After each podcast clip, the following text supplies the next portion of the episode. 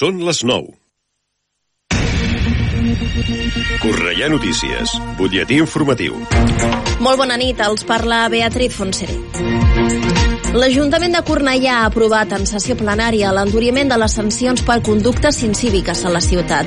Es tracta de la modificació de l'Ordenança General de Convivència Ciutadana que consisteix bàsicament en incrementar de mitjana 200 euros les multes per vandalisme o per deixar residus a la via pública. D'aquesta manera, per exemple, deixar les bosses d'escombraries fora dels contenidors serà penalitzat amb 850 euros i les actituds vandàliques molt greus tindran una sanció de fins a 3.000 euros.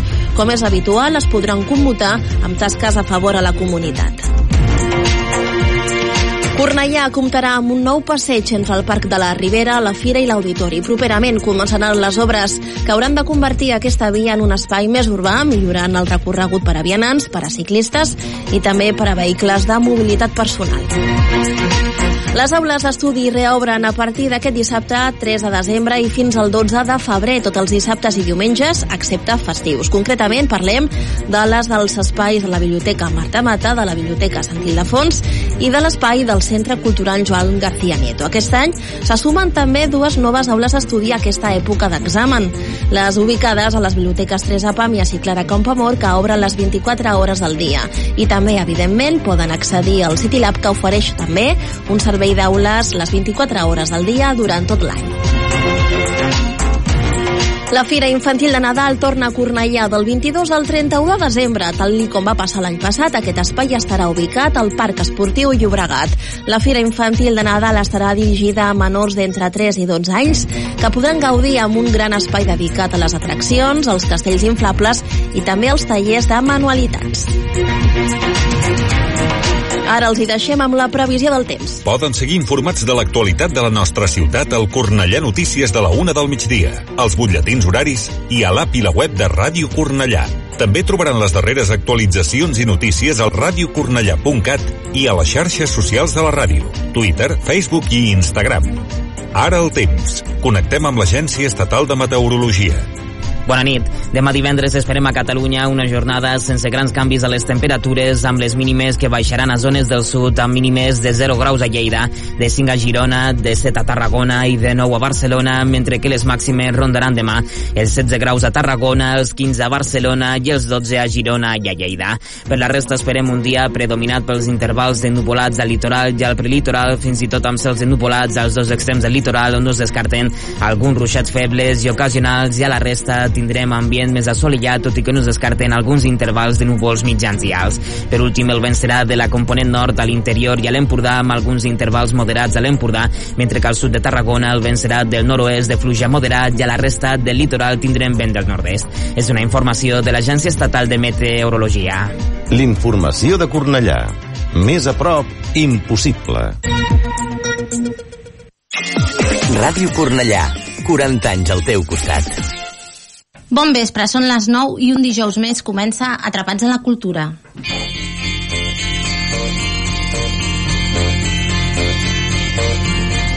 They say we're young and we don't know Won't find out until we grow Per en Bill Murray, tots els dies era la mateixa cançoneta. Estava atrapat en el temps. Per a nosaltres, tots els dies també són iguals. Amb ell el salvava l'Andy McDowell. I a nosaltres, qui ens salvarà? La cultura, els llibres, el cinema, les sèries, l'art, l'oci, la gastronomia. Feu-nos cas i sentiu-vos atrapats amb la cultura. Amb la Cristina Guarro i el seu equip. I guess that's so we don't have a plot But at least I'm sure of all the things we got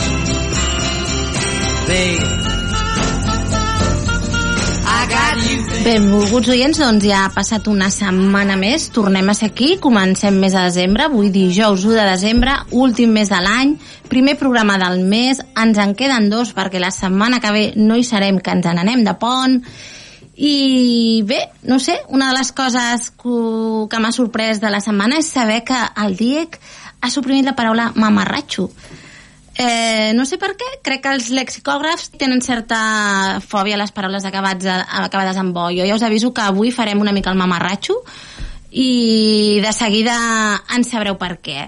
Nosaltres, com cada setmana, això és una rutina que no modifiquem, comencem amb l'agenda cultural de casa nostra, o sigui que endavant sintonia.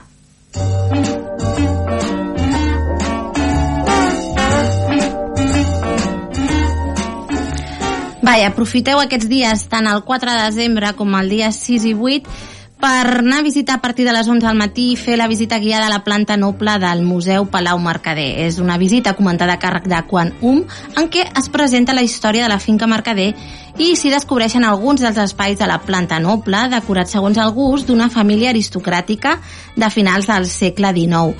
Les visites durant eh, una hora aproximadament, hi ha sessions a les 11 a les 12 del migdia, cal, això sí, inscripció prèvia, trucant al 93 474 51 35, en horari de dilluns a divendres de, de quarts de 10 a 2 de, del migdia, o bé escrivint un e-mail a patrimonireserves arroba aj-cornellà.cat.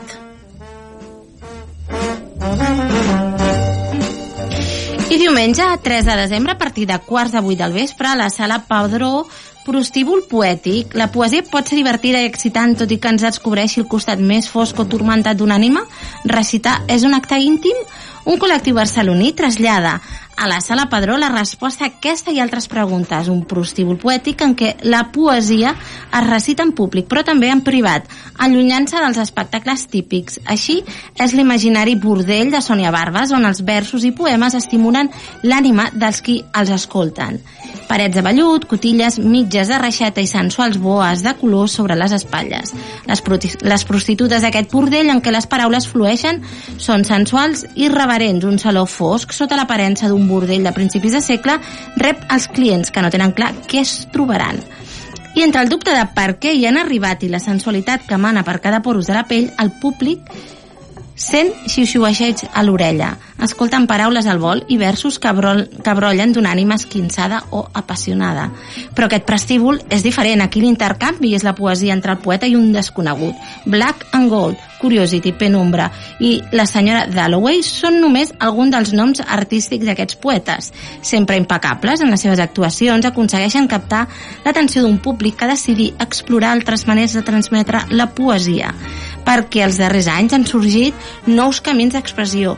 Hi ha un interès real per la poesia. Sònia Barbas explica aquí el moviment creixent en què han sorgit infinitat d'espais per poder vomitar, entre cometes, sentiments de vegades salvatges sobre qüestions que de vegades no entenen la raó fill primogènit de l'original Poetry Brothel de New York, dirigit a Barcelona per aquesta actriu i performer, Sònia Barba, aquest col·lectiu transdisciplinar compost per poetes, músics i artistes converteixen cada esdeveniment en un camp de proves on la poesia en privat i a l'oïda fa un pols als típics recitals poètics a l'ús.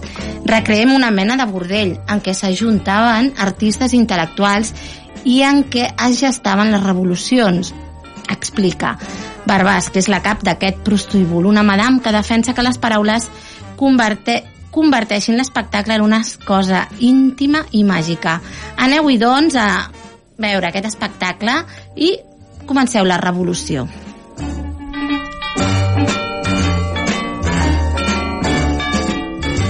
I per tancar l'agenda cultural d'aquests últims dies o d'aquests pròxims dies parlarem de dues exposicions que acaben totes dues l'11 de desembre. La primera, Aquí, aprofitant els últims... Bé, de fet, la 38a eh, mostra del còmic Ciutat de Cornellà ja ha finalitzat, però encara queda aquesta exposició que podeu visitar al Palau Mercader anomenada Vinyetes Migrants, còmic, migració i memòria. És una exposició organitzada pel Museu d'Història de la Immigració de Catalunya que neix de la voluntat de visibilitzar com el còmic ha estat en els darrers anys un mitjà compromès amb, amb una realitat tan complexa, tan propera i tan transcendent com és el fenomen migratori, recorrent la història de les migracions a l'Espanya al segle XX a partir d'aquestes creacions artístiques i, de, i diferencien entre el que va ser eh, les migracions per temes polítics arran de la desfeta de la, de la Segona República a Espanya i tota la repressió que va obligar a molta gent a fugir, que més ajudeu-me, i exiliar-se.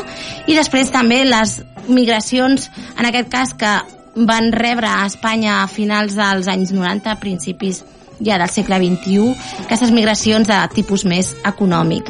La segona exposició és A través de la mirada.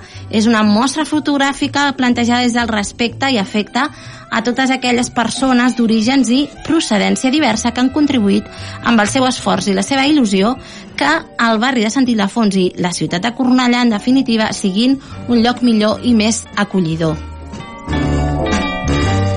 Després d'aquestes activitats, nosaltres, eh, com que són ja activitats que ja us he dit que la setmana que ve no tenim programa, són activitats per 15 dies, us recomanem que seguiu xarxes socials, sobretot el que fer Cornellà a l'Instagram i després als webs de, de l'Ajuntament i l'agenda cultural que podeu revisar sempre que vulgueu perquè eh, realment encabir-hi les activitats de 15 dies eh, per una qüestió de temps ens és impossible i n'hem de fer un petit tastet.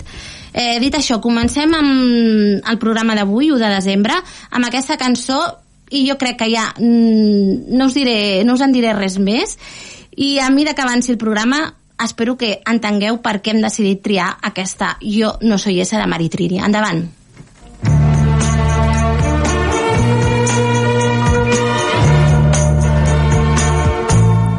Yo no soy esa que tú te imaginas, una señorita tranquila y sencilla que un día abandonas y siempre perdona a esa niña si no, esa no soy yo.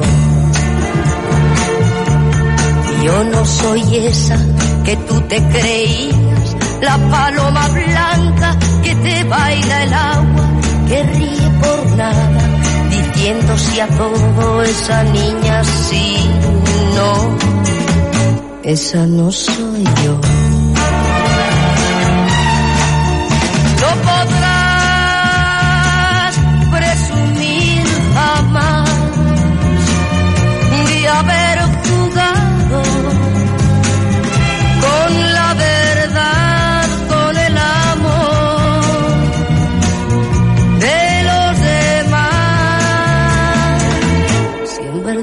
me quieres, yo ya no soy esa que sea cobarda frente a una borrasca, luchando entre olas. Encuentra la playa esa niña, sí, no, esa no soy yo.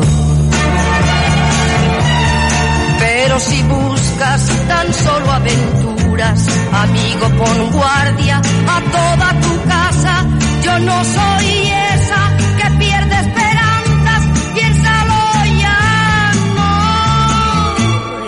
no. Soy esa que tú te imaginas, una señorita tranquila y sencilla que un día abandonas y siempre perdona a esa niña, sí, no, esa no soy yo.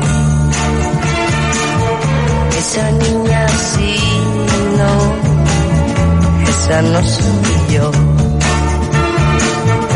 Esa niña, sí, esa no soy yo. Esa niña, sí, no, esa no soy yo. Queda't atrapat amb la cultura. Lo siento, mi amor, pero hoy te lo voy a decir. Aunque puede faltarme el valor al hablarte a la cara. Lo siento, mi amor, pero ya me cansé de fingir. Y pretendo acabar de una vez para siempre esta farsa. todo lo que yo te haga. Antes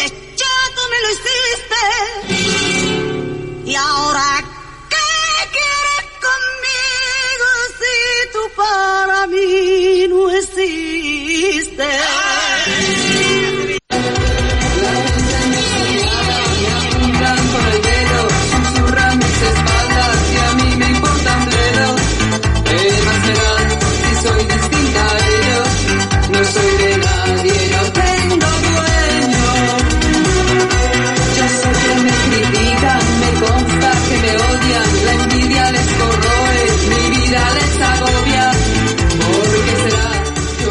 Doncs ja us he avisat a l'inici del programa que, que avui trencaríem algunes idees preconcebudes. Aquests dies i fins al 4 de, de desembre, aquest diumenge, eh, es representa al Teatre Eòlia cançons que acaben en fade out i ens acompanya per parlar-ne en Salvador S. Sánchez, que és el seu dramaturg i un dels intèrpre- intèrprets. Bona tarda, Salvador. Hola, molt bona tarda. Eh, eh, L'entrevista és, és en, l'enregistrem perquè vosaltres esteu representant i, òbviament, avui a les 9 del vespre, que és quan s'escoltarà el programa, tu estaràs eh, enfeinat. Eh, vau estrenar ahir, què tal? pues mira, molt bé, estem molt contentes de l'estrena.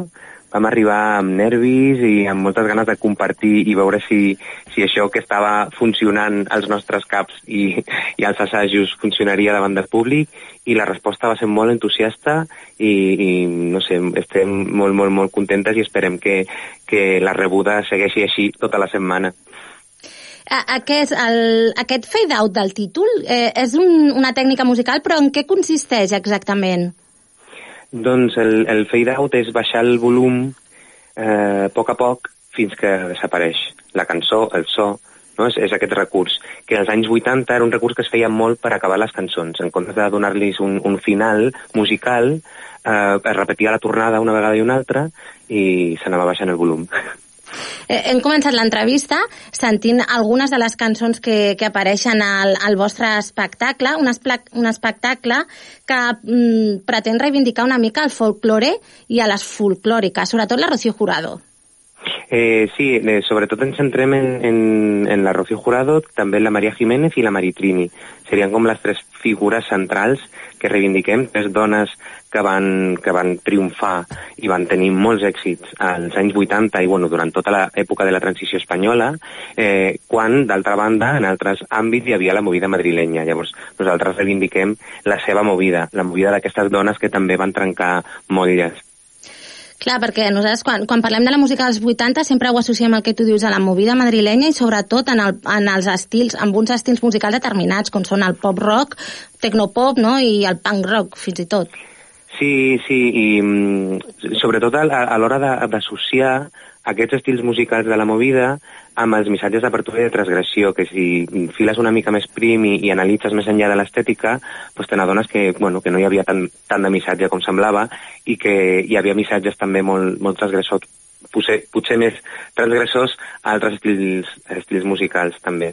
Que, Com, mm, com aquest, no?, de la, de, la, de la balada romàntica, la cançó popular, o, o, o les artistes que, com la Rocío i la Maria, pues, venien de, del flamenco i de la copla.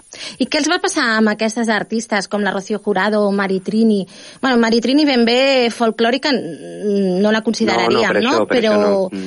Què, què, què els va passar? Perquè elles ja tenien una trajectòria anterior a la, a la movida i durant aquests anys 80 què els passa?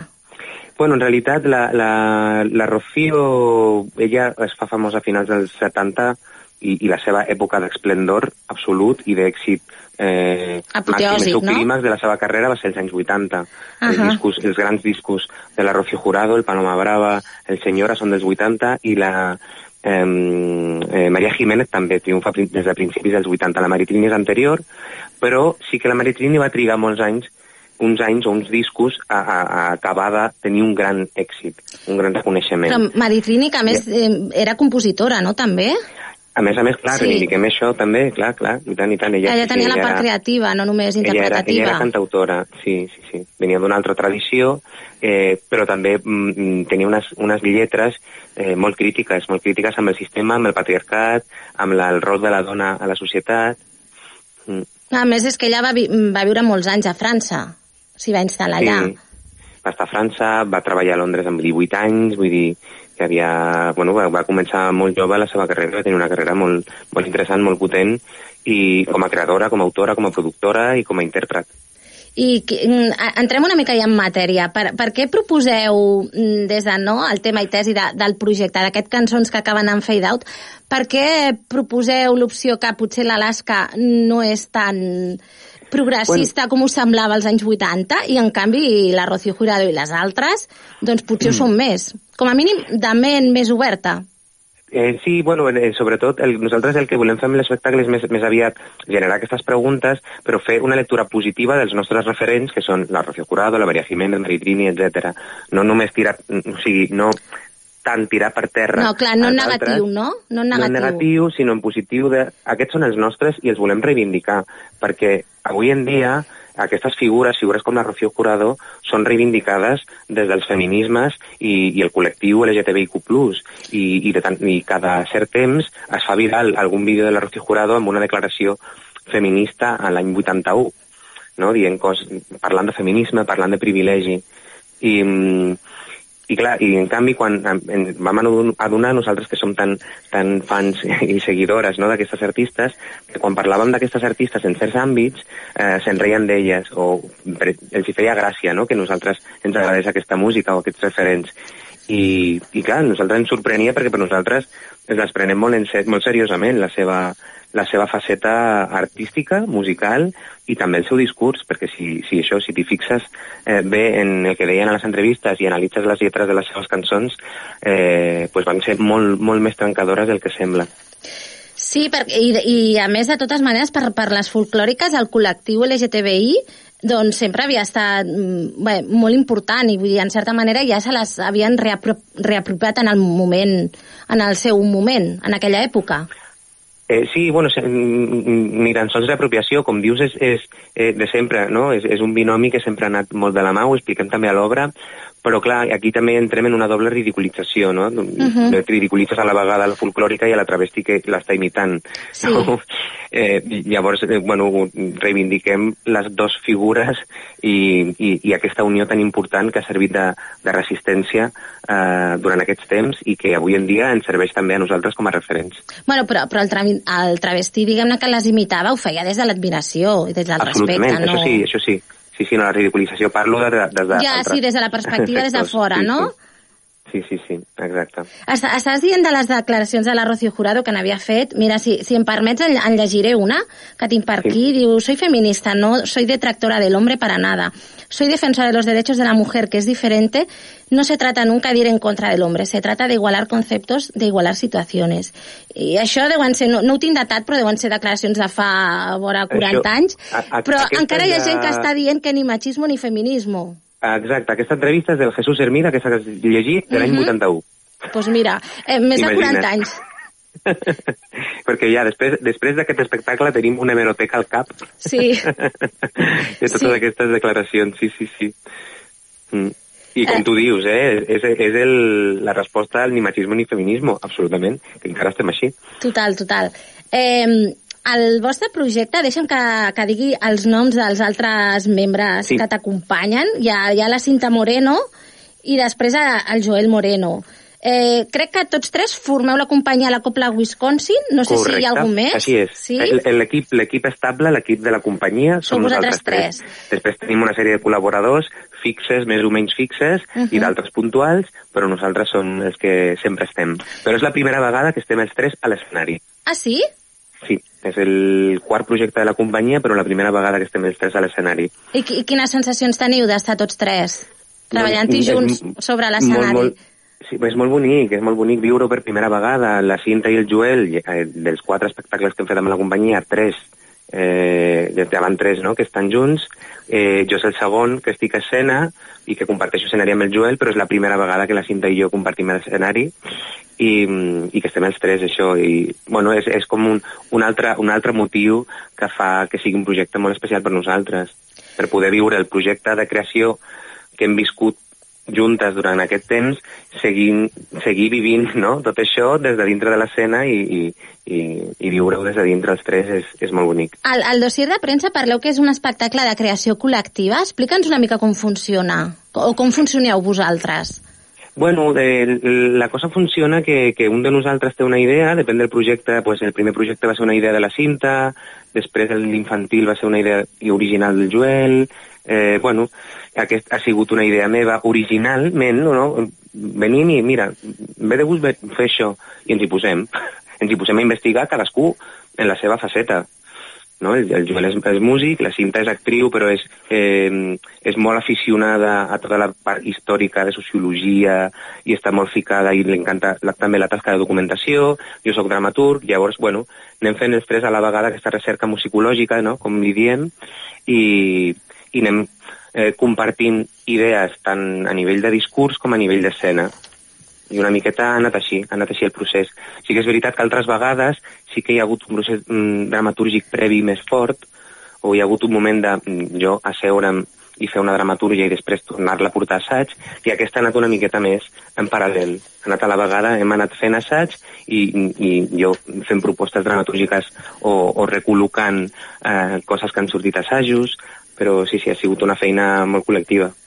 Sí, perquè en aquest cas vosaltres parleu, a veure, deixa'm, a veure si, si ho dic bé, perquè m'ha costat una mica memoritzar-ho, parleu d'actuació performàtica, com De i discursiva, sí. Conferència, parlem Conferència, de conferència. exacte. Sí, sí, de conferència performativa o conferència musical, perquè és un format eh, bueno, és, és, ens costava com trobar la manera, una altra manera de definir-ho, perquè, perquè hi ha aquest punt de- d'una recerca que compartim, no? d'una investigació Ahà. compartida, en un format mm, bastant semblant al d'una conferència, una conferència teatralitzada, més relaxada, i, i després totes les actuacions i algunes escenes eh, més eh, ficcionades, podríem dir, i fem una mica aquesta, aquesta barreja de, de, I aquesta, de tipus d'escena. i dramatúrgicament, eh, per traslladar-ho, aquesta hibridació de gèneres, com, com, no sé si tenies alguna idea o, anat sobre la, o has anat sobre la marxa.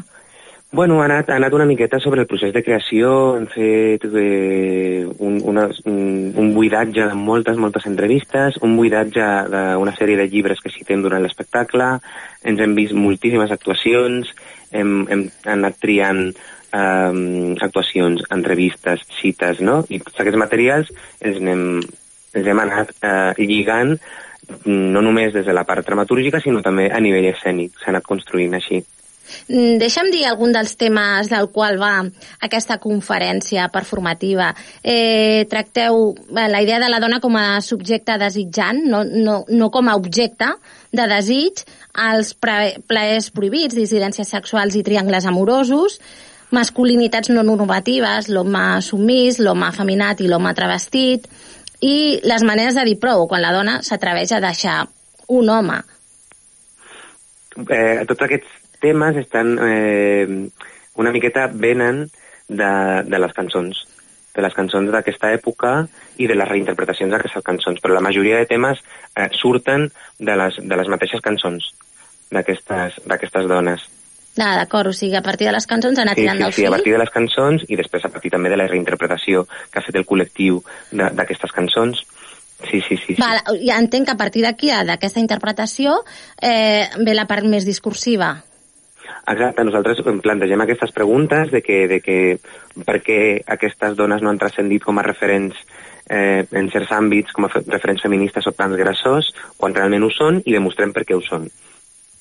Bàsicament, demostrem quina opressió van viure i quina ridiculització han patit, per què han transcendit com a figures eh, objecte d'escarni i no com a figures eh, trencadores, perquè hi ha, va haver també tota una estratègia no, de, de, de, de menys tenir i de ridiculitzar a aquestes figures. Clar, el que passa que en el cas de les folclòriques, en molts casos, clar, era, era un gènere musical del, que s'havia apropiat al franquisme. No? Suposo que va quedar una mica associat. Bueno, hi havia no aquesta sé. associació, però sí. clar, la Rocío Jurado venia del flamenc, venia No, de la no, copla, no. Però, però va, fer, va fer pop, va fer mm, Sí, sí. mm, alguns temes de pop rock autèntic, eh, molts temes amb sintetitzadors, amb tota l'estètica dels anys 80, vull dir que ella ja es va allunyar volgudament d'aquesta estètica, tot i que tornava quan ella volia, no? anava i venia, no, no tenia cap problema ni cap prejudici, i, i la Maria Jiménez ella venia més del flamenc i, i va fer bàsicament eh, rumba, no? Un flamenco pop que, que, bueno, que sí que hi havia aquesta associació de, de, de la copla i el flamenc amb el règim, aquesta apropiació, però elles de seguida es van desmarcar, no només amb les lletres, a més a més, sinó també a nivell estètic, perquè va ser, elles dues van ser pioneres en introduir una estètica que no fos eh, folclòrica en escena. Bueno, és que la, la Rocío Jurado va tenir uns problemes de censura, sobretot amb els seus escots i tot això, a televisió sí, espanyola. Sí, sí, les seves transparències Sí. I, i van ser les primeres en contractar dissenyadors eh, per, per les seves gires i les seves actuacions. Sí, sí, pioneres. I de fet, la Rocío Jurado, jo el que passa que no, no recordava la lletra de la cançó perquè tampoc no és que sigui super, super coneixedora de la seva, de la seva, del seu repertori, però n'hi ha una que parla de la masturbació. Sí, sí, és una de les cançons just que cantem a l'obra que es diu Amores a soles. Ah, i que t'atreviries a cantar-nos una mica? No sé, eh? Ai, ara, ara, ma- ara mateix mateix no. no puc, No. on estic, no puc fer-ho, Val, però... val, val, val. No, no t'acompanya us- l'ambient en què et trobes. us puc explicar, us puc Sí. explicar que, és, que, que és la Rocío Jurado parlant en primera persona de que ella està a la platja i amb una Mhm. sèrie de metàfores marines eh, t'explica la, la seva masturbació. I jo em pensava que era la típica cançó de cara B, no? que no va ser un single i que no, no va tenir gaire... Perquè de, de quin any és la, la cançó? El amor es a solas, eh, ahora no sé si es del disco de Señora o de Paloma Brava, és un, Ajá. un dels dos, diria que el de Señora, però és dels anys 80, és de, un dels dos discos que va fer amb el Manuel Alejandro. Ahà. I, I un dia, ma mare és molt, molt, molt fan, no? A mi em ve d'aquí, l'admiració de, De la. I, mm, ho he viscut molt a casa. I, i un dia, fa, fa poc, aquest estiu, eh, just estàvem a la platja amb ma mare i li estava parlant del projecte i, i li vaig parlar d'aquesta cançó que no l'havia que no la coneixia i ma mare me la va cantar sencera Però ta, ta mare ja sí, tam, sí que deduïa de què es tractava? La Claro, metàfora l'entenia, sí? Eh, sí? i, i, no, i no, no, no, només, no només això sinó que a més a més la recordava sencera després de 40 anys Mira, és a dir, que, que, que no, no, no, no, va ser una cançó tan menor No, tan no, que realment va ser un pensava, hit. perquè- Va ser un hit. Sí, sí, sí, sí. Ah, escolta, eh, Salvador, cançons que acaben en fade out, eh, ha rebut la beca Odisseu Eòlia Exacte, mm, sí, d'investigació. I més D, no? És investigació i desenvolupament, poso les sigles. Eh, en què consisteix? Doncs, o què us doncs comporta mira, a vosaltres com a companyia? ens comporta eh, la beca Odisseu de l'Eòlia consisteix en una, en una residència artística de dos, dos mesos aproximadament de duració Mhm. i després un mes de un mes, perdó, una setmana de residència tècnica i una altra setmana de mostra d'aquesta feina, que és el que estem fent aquests dies, que són aquestes primeres funcions per mostrar el resultat de, del procés de residència, amb un, amb un suport a la producció i també suport del, de l'equip del, del teatre i de l'escola. Entenc que la, la residència tècnica, que és quan us deixen l'escenari perquè instal·leu, Exacte. feu les proves de residència so, tècnica és, no? és, és poder o passar una material. setmana per muntar i, i assajar aquí a l'escenari i fer el disseny de llums, de so, etc. Sa- Sabeu ja si teniu opcions de, de programar de nou? O... Doncs, bueno, deixem obert l'interrogant. Tenim... Perquè són molt poquets dies, eh? Sí, bueno, és, és, és, és, la, és la mostra de la residència. Nosaltres Ah, volem val, fer temporada, volem fer temporada i volem fer gira, volem fer... volem portar aquest espectacle a, a, a molts llocs i, i, i que tingui una llarga vida perquè li tenim molta fe i molta confiança al projecte. O sigui que... Ma, a mi m'ha que semblat una, crec una proposta molt engrescadora, eh?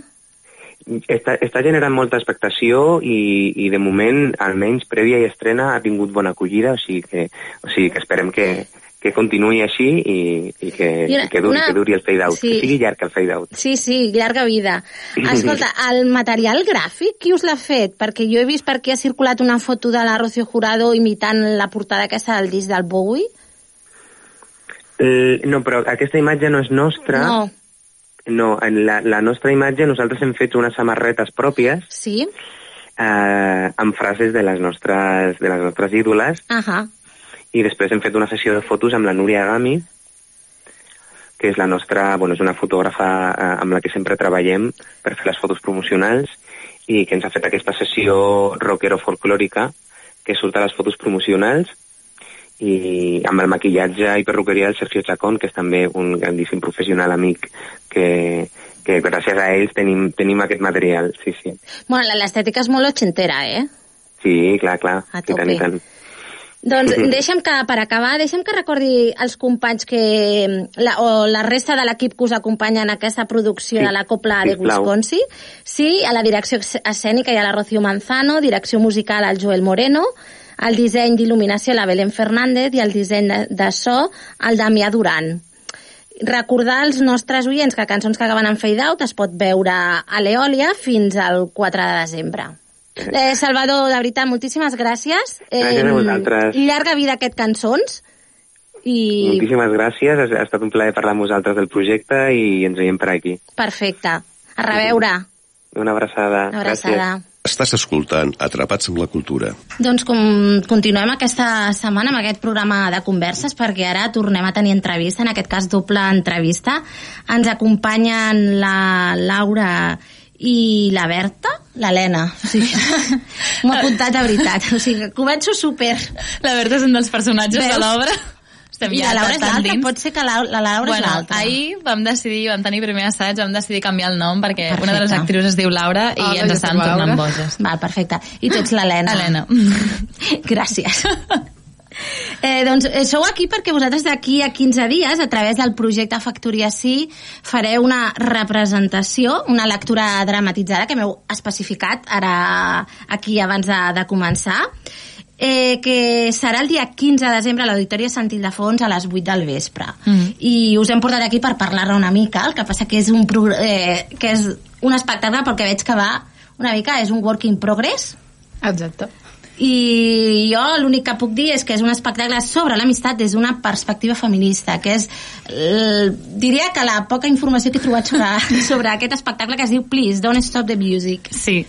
Doncs, eh, bueno, explico una mica com va sorgir el, el projecte. Sí, perquè tu, Helena, perdona, eh, et, ets la dramaturga. Sí, eh, jo vaig escriure el text ara farà un any i mig, més o menys, Sí. eh, i bàsicament sorgeix de la necessitat d'explicar una cosa que m'estava passant, que era que m'estava, o jo sentia que m'estava distanciant de les meves amigues de tota la vida, eh, del meu grupet de Cornellà, precisament, perquè jo sóc de, de Cornellà. I, um, I, bueno, vaig començar a parlar com amb gent del meu voltant, eh, que ens estem aprovant molt perillosament a la trentena, o alguns ja hi som. Eh, A veure, això... Mira, perillosament, o sigui, si veieu, el Bueno. nostre tècnic, el Marc Fort, s'acaba de, de posar les mans al cap i jo no ho he Ens fet ja fora. perquè, perquè no m'heu vist, però jo que els passos 40 ja, o sigui, a veure, perillosament tampoc, però sí que és potser, no? Bueno, però és és, és una etapa que sí que Exacte. es deixen potser les amistats de sempre, Exacte, llavors em vaig sí, a adonar-me més hi ha que- un canvi de domicili, Sí. com has dit, no?, de població. Exacte. Llavors, bueno, te n'adones, vaig parlar amb gent del meu voltant, que tothom estàvem com patint aquest dol de, ostres, amb els meus amics de sempre, potser ja no coincidim tant, no? I, bueno, vaig com començar a escriure sobre això i al final Please Don't Stop the Music parla de, de, bueno, de la fi d'una amistat, que les amistats també s'acaben i no passa res. I, fa mal també perquè sempre que parlem Mm. d'una ruptura parlem de l'amor, no? L'amor romàntic, sobretot. I parlem molt poc de les amistats, que també són una mena d'amor. Exacte. Són relacions que també s'acaben, perquè sempre pensem, no, amics per sempre. Les relacions amoroses tenim molt al cap que, que s'acaben, i hi ha milers de cançons que parlen de ruptures, però jo crec que no he escoltat mai una cançó que parli de la ruptura d'una amistat. Sí. O pel·lícules, o sèries, no? Sempre Bueno, veiem... potser, no, potser pel·lícules sí, no? Potser que sí que se n'hagi parlat més. Sí, o, no? però sempre, al final també una cosa que ens semblava important era que la història que expliquem aquí és la, el, la fi d'una amistat per moltes coses i per res, és a dir, no, no passa res greu, no? Hi ha moltes vegades que a les pel·lis o a la ficció el que acostumem a veure són sobretot a més la, les amistats entre dones, aquí diguem és la perspectiva feminista en el sentit de que moltes vegades Bueno, alguna problemàtica personal, Exacte. no? o sempre fiquen amistats entre dones en les que en realitat no ens estimem i ens intentem ficar O el punyades motiu per és que m'has robat el nòvio. Clar, llavors sempre Ah, és perquè com... això ho ha escrit un home, un autor. Efectivament. Llavors em semblava com important dir, ostres, això no és per res ni el que m'està passant a mi ni el que li està passant a les, a les meves amigues. Eh, al revés, és com aquesta cosa de dir, ai, fa temps que ja, bueno, que ja no tenim potser tantes coses en comú, que evoluciones diferent i no saps com gestionar aquest dol perquè, pues perquè no t'ho expliquen, perquè fa mal també, no? I dir, ostres, pues aquella persona que jo pensava que seria tota la vida així, seria tot superguai, pues potser ja no tenim tantes coses en comú ara que han passat 15 anys des de que vam deixar l'institut. Eh, llavors va, va una mica d'aquesta història i parlem, expliquem la història de la Berta i la Sara Vale, ara són Berta i Sara. o Berta i Sara. Diguem-ne que la Laura Mateu, que abans no he dit el teu cognom, però veus, és que ho tenia apuntat, eh? O sigui, ho tenia anotat. Jo havia fet els pocs deures amb la poca informació que he trobat de, de l'espectacle, però els havia fet. La Laura Mateu, que és la... Entenc que tu interpretaràs la Sara. No, jo sóc la Berta. Ostres. Vale, tu faràs de Berta i aleshores l'Helena Alcalde Sí. faràs de... de Sara. Sí. Em, llavors, vols explicar una mica com és la Berta? O... La Berta, mira, l'estic coneixent ara mateix com, com, com, la coneixerà el públic, no? Eh, la Berta, clar, aquestes noies, la seva amistat, la coneixem des de que tenen uns... Són adolescents, uns 17 anys, i al final de l'obra tenen uns... També estan 30, perillosament a prop sí. dels 30. I la Berta és una noia molt animada, molt extrovertida. Al principi és una mica qui porta la... És, és, té una personalitat molt de líder. És qui porta la relació al principi, eh, molt moderna, no?, que li diguem, li encanten les xarxes socials, eh, li encanta... Bé, tenim molta vida social. I, i bé, a mesura que passa l'obra anem descobrint doncs, una miqueta el seu humor interior, que és una persona que li costa mostrar-lo, Perquè, I- clar, xarxes socials només, no? Exacte. N'exhibim una part, que és la positiva. Sí. I la Sara és molt important I- per ella perquè és de les poques persones a qui li mostra aquest món. O sigui que la coneix realment. Sí, i la, la Sara és capaç de veure aquest més enllà. Llavors, la Sara és una persona més tímida, no? que potser, eh, sobretot als inicis de l'amistat, seguia molt a la Berta, l'admirava molt, era com, ostres, que atrevida, vol fer això, això altre, una persona que no s'atreveix tant potser a Bueno, la seva vida. s'emmirallava amb ella. Exacte. Llavors també té una relació durant molt de, de molts anys, bueno, i veiem també com diferents estils de vida, no? Eh, I també, per mi era molt important a l'hora d'escriure el text, no, no jutjar ni intentar dir, mira, és que aquest estil de vida ha de ser supermoderna o tal, és millor que um, tenir una família amb 30 anys o viceversa, sinó de dir, doncs potser totes les opcions estan bé i, i no passa res i va d'això. Llavors, bueno, el, una de les coses guais, eh, i aquí és on entra la música, és que la història no està explicada cronològicament. per si no teníem prou de lío amb els noms. Um, Perquè per sort només n'hi ha, ha dos. Sí, imagina, si no, aquí...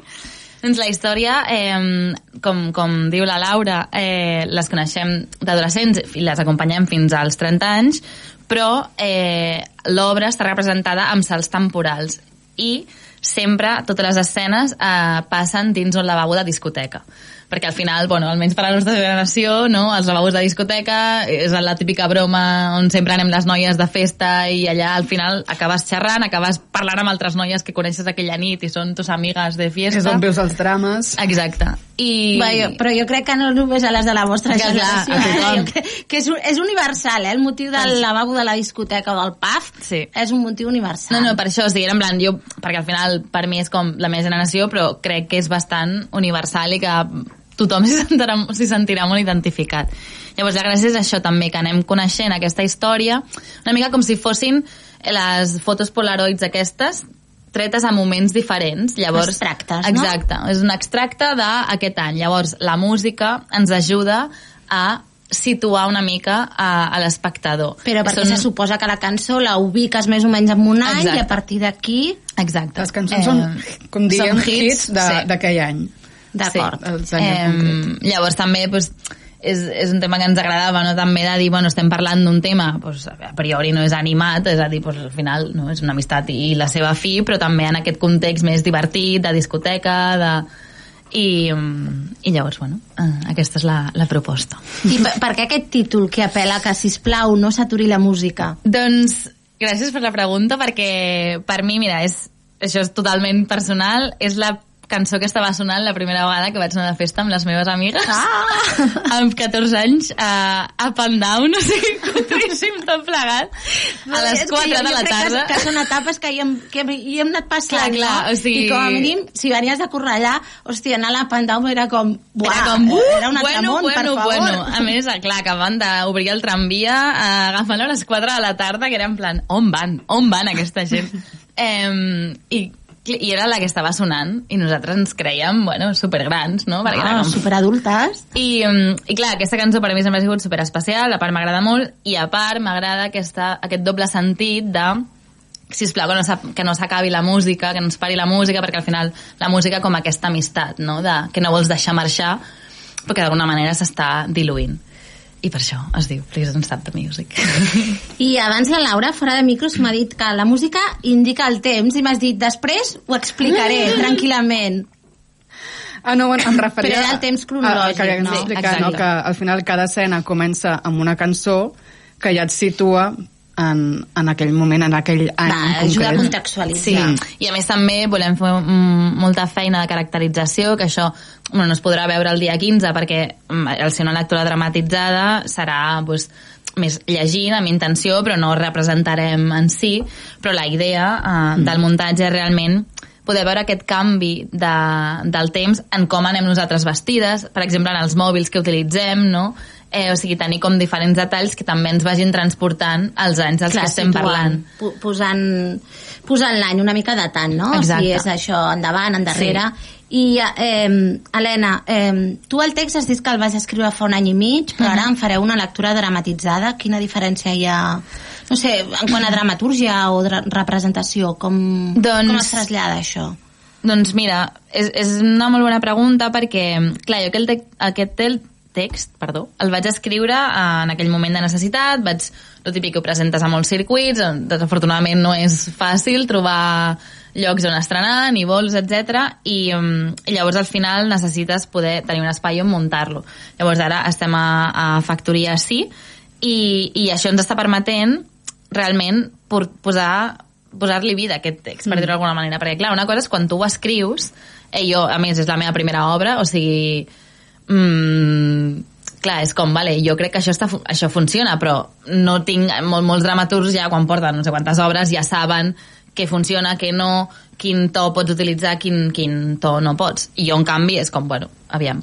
Em, llavors, clar, ara, per exemple, ahir, que ho estàvem llegint, hi havia coses que era com, uf, no, això no ho diríem, o això sona Bueno, molt la- a forçat. l'hora de verbalitzar-ho, Exacte. no? És quan dius, home, doncs això potser no... Sí, llavors segurament algunes modificacions patirà, però perquè al final, o per exemple, farem algun treball d'improvisació. Mm. Em... No, una cosa molt interessant que va sortir ahir al, al primer assaig i, i que també és molt guai d'estar treballant amb l'autora i, i amb, o sigui, tenia l'Helena és que, clar, ella ha escrit aquests dos personatges que estaven en el seu cap però al final, a l'hora de, de, treu, de treure'ls del paper eh, jo puc tenir punts de vista, o sigui, jo llegint la Berta puc dir-li, eh, m'ha inspirat això i potser li estic fent una proposta que ella no s'esperava. Mm. Igual de, de la Sara, eh, jo llegint el text, preparant-me per el primer assaig, potser ella m'està presentant una Sara que jo no m'esperava. I sí. és molt interessant veure com els personatges es van acomodant a, a com cadascun el pot veure i com juntes creem la seva relació. Sí. Més enllà de, del que hi ha escrit, que, que també està molt bé. Deixeu-me mencionar el, el tercer membre, no? Sí, de l'equip, que és la. Sí, sí. la Marina Esquiafino, que, que n'és la directora. Efectivament, doncs la Marina, estem supercontentes de, de poder comptar amb ella, perquè a més crec que dona aquest balanç que necessitàvem, perquè bueno, la Laura i jo som amigues, hem fet teatre juntes ja, i al final també la Laura va ser una de les primeres persones que es va llegir el text, o sigui, i jo, a part de que no sé dirigir ni, ni, hagués, ni ho hagués pretès, jo tenia com moltes ganes de tenir una tercera visió que tragués una mica d'això que deia ara la Laura, no? de dir, vale, jo puc tenir unes idees quan he escrit això, però és que potser quan ho actues és completament diferent. Llavors, volia un- una directora com la Marina, que és superbona, eh, que pogués dir, no, no, si està sortint això, ho tirem per aquí, no? De, que, no, que, que diguem la, el fer aquesta obra no estigués esbiaixat pel fet de que jo hagués escrit l'obra i en aquell moment hagués pensat que, que, que el sentiment era aquest, no? Per exemple, ens ha passat en algunes escenes on jo penso, uh, això és com supertrist, de sobte les llegeixes en clau d'humor i dius, ui, doncs deixar també aquest espai i la Marina, eh, i per exemple ens va, fer ens va fer com moltíssimes preguntes mm. per conèixer els personatges perquè al final, tot i que les representem en un moment concret, és molt important saber com estaven aquestes dues amigues en aquella època no? i al final és com que acabarem sent nosaltres amigues dels nostres personatges també i, mm, i a més la Marina doncs, és la nostra connexió amb Terrabastall Teatre que és la, la companyia um, que, Que, bueno, és la companyia que us produeix l'espectacle. Exacte. Llavors, a més, és, és bastant especial perquè és la primera obra d'adults de Terrabastall Teatre. Clar, això em va passar a mi perquè mm. jo buscava informació, clar, vaig anar a la web de, la, de Terrabastall i dic, ui, jo no ho sé perquè a mi em sembla que l'espectacle aquest, eh, jo diria, no ho sembla. No ho sé. Sí, sí, doncs, uh, clar, al final és una companyia um, que són la Marina, la Laura i la Brisa, i, i elles sobretot ara mateix estan fent teatre infantil Eh, però clar, va ser en plan, vale, tenim moltes ganes de poder fer teatre d'adults també, llavors eh, bueno, va arribar aquesta proposta i els hi va encaixar. Però tu els hi vas fer? Eh, sí, sí, sí, bueno, perquè també amb la Marina ens coneixem, Ai. havíem estat veïnes, i és que això és un món. Sí, Havíem sí. fet algunes produccions juntes, llavors eh, els hi va encaixar molt i clar, també és guai aquest, aquest salt de rebastar el teatre també al món adult. Ah, El món és petit. Sí. Deixa'm que fem, deixa'm que fem una mica la, la falca publicitària, Vale. el que és el Factoria Sí, que és aquest projecte que, que, bueno, que lidera l'I- l'Ignasi Guas, que és, un, és un actor de, de Cornellà, i juntament amb, amb l'aportació que, que hi fa l'Ajuntament de Cornellà, i la idea és posar en contacte públic i, i les companyies. Aleshores, us ofereixen un espai gratuït per assajar, el que tu Mhm. deies, per veure sobre l'escenari com és aquesta traslació, i la segona part és que feu una sessió oberta a espectadors, que també hi van de franc, per tant, els espectadors doncs, tenen l'oportunitat de- d'accedir potser sobretot a Cornellà o veure propostes que no seria l'habitual, i hi ha com el que es diu en termes econòmics un win-win, no? ara que està tot tan economitzat, sí. en què tots dos hi sortiu guanyant. Vosaltres també podeu veure la reacció del públic i a partir d'aquí fer canvis. O... Totalment. I tant. Sí, de fet, la idea després de la lectura és fer una mica de col·loqui i que ens donin una mica la seva opinió de com l'han rebut, de si s'ha entès tota la línia, perquè al final fent l'obra així em, no cronològicament, mm. doncs ens agrada saber si externament s'entén. Clar. Sí, sí, totalment, i estem superagraïdes de poder, de poder estar aquí, perquè, com dèiem, al final, realment el circuit teatral a Catalunya, a Barcelona en concret, mm. és complicat accedir-hi, sobretot pues, si no, no, no tens un gran nom eh, O un suport en- darrere. O un suport darrere. Eh, I llavors, clar, gaudir d'un espai com l'Auditori Sant Ildefons a, a Factoria, sí, clar, no estem parlant si normalment l'accés que tens a, a altres llocs, el que fa molta gent, per exemple, a Barcelona, és a centres cívics. Clar, centres cívics està molt bé, però al final acostumes a tenir una sala mm, la típica sala multifuncional, clar, aquí estem parlant d'un auditori no, no, és molt sala. nou, una Sí, sala sí. de teatre superxula, de dir, clar, que podrem tenir llums, podrem Mm. tenir... So, o sigui, és tota una cosa que fa que ja estiguis muntant un projecte des d'un... Bueno, encara hi sí, sí, realment, exacte. o sigui, és com la part final, sí. que al final no deixa de ser pujar a les taules i, Sí. i mostrar-ho. Sí, sí. I a més és molt guai que sigui a Cornellà, perquè, clar, o sigui, justament a mi és on jo he crescut, on he viscut aquestes primeres històries d'amistat i, clar, és com tancar el cercle. Va, eh, tornem a obrir el cercle. De la Berta i la Sara, eh, que he dit els noms bé, eh, que els, què els passa? Evolucionen? Es troben? No es troben? El que pugueu avançar, eh? Uh. Ara, perquè les persones no som estàtiques, tots Clar. canviem.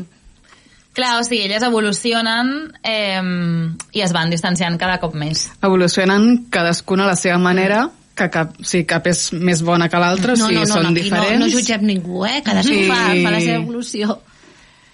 I, I clar, sí. és, bé, al final són dues amigues que es coneixen de, de l'institut o, o no sé si de més enrere, però clar, són aquelles amistats no, que tu comparteixes, comparteixes classes, comparteixes deures, moltes hores, sobretot moltes són hores, moltes hores. Mm.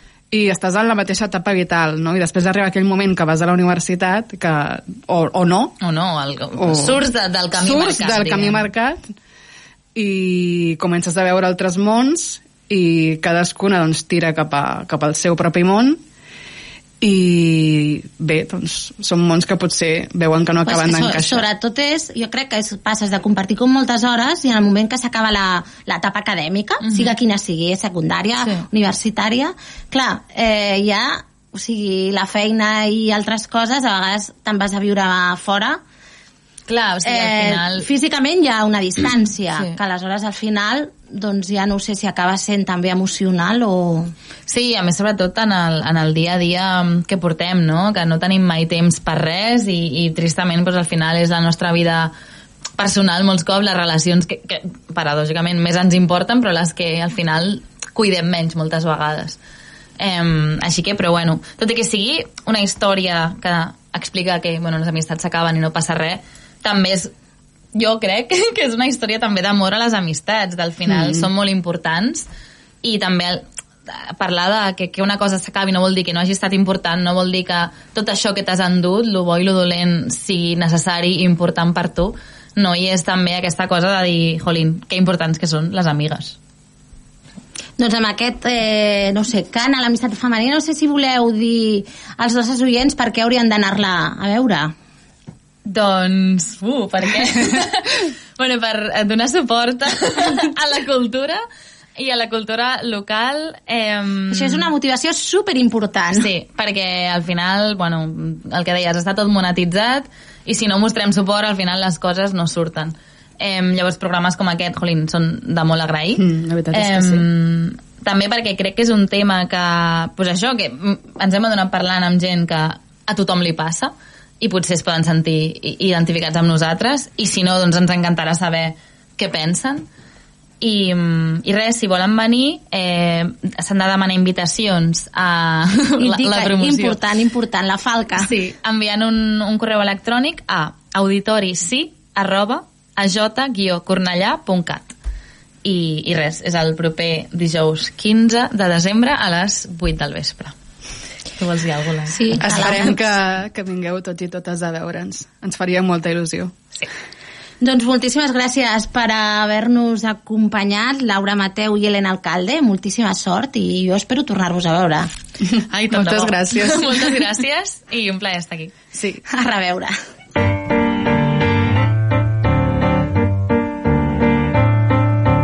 Via, via, vieni via di qui.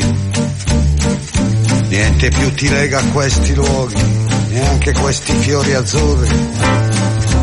Via, via, neanche questo tempo grigio. Doncs ja sona Palo Conte, ja sabeu que això és que ens convida que fem via amb ell i que ens n'anem a poc a poc. Ha estat un plaer el programa d'avui, avui una mica diferent perquè sobretot eh, a través d'aquestes entrevistes ens agrada parlar aquí a l'Atrapats en la Cultura, ens agrada parlar però també ens agrada escoltar i crec que han estat dues entrevistes eh, molt interessants amb dues propostes molt engrescadores que fan molt bona pinta. Recordar-vos, le- la primera d'elles cançons que acaben en fade out fins al 4 de desembre al Teatre Eòlia i després aquí a Cornellà el 15 de desembre, de desembre a les 8 del vespre a l'Auditori Sant Ildefons Please Don't Stop the Music. Una abraçada, recordar-vos que la setmana que ve ens anem a aquest fabulós pont que tots recorden tots els escolars i que tornarem en 15 dies vinga, a reveure i una abraçada It's wonderful, it's wonderful. Good luck, my baby, it's wonderful. It's wonderful, it's wonderful. I dream of you. Chips, chips, chips. Da di do di do, chi boom,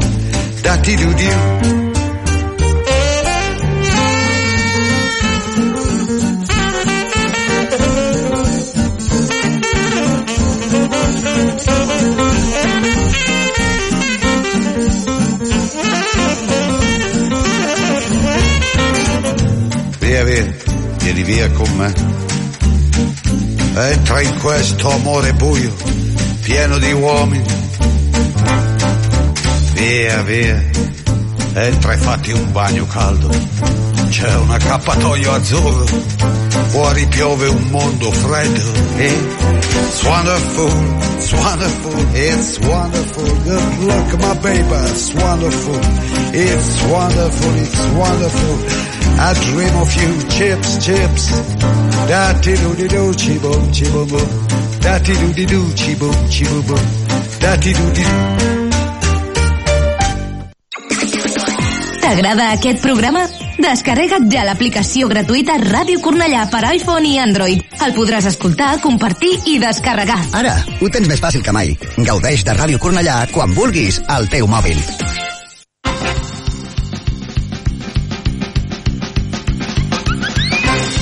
De més enllà, viatgeu amb nosaltres cap a un món de músiques. Connecta't amb De Més Enllà cada diumenge de 5 a 7 de la tarda a Ràdio Cornellà, amb Jordi Garcia.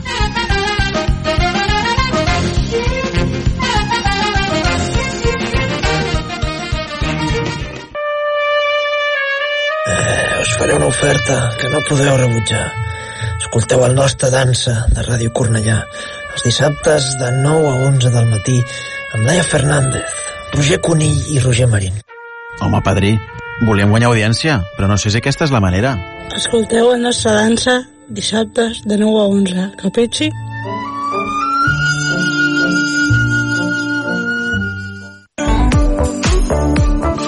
Jordi Évole, periodista.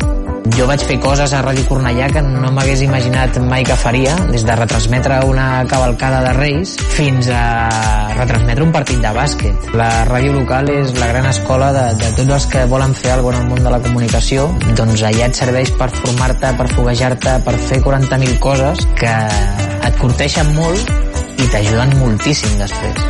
Ràdio Cornellà, 40 aniversari, orgull de ciutat.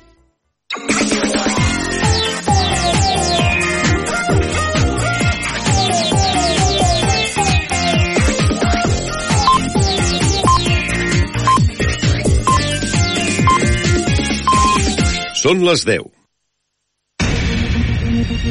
Correia Notícies, butlletí informatiu. Molt bona nit, els parla Beatriz Fonseré. L'Ajuntament de Cornellà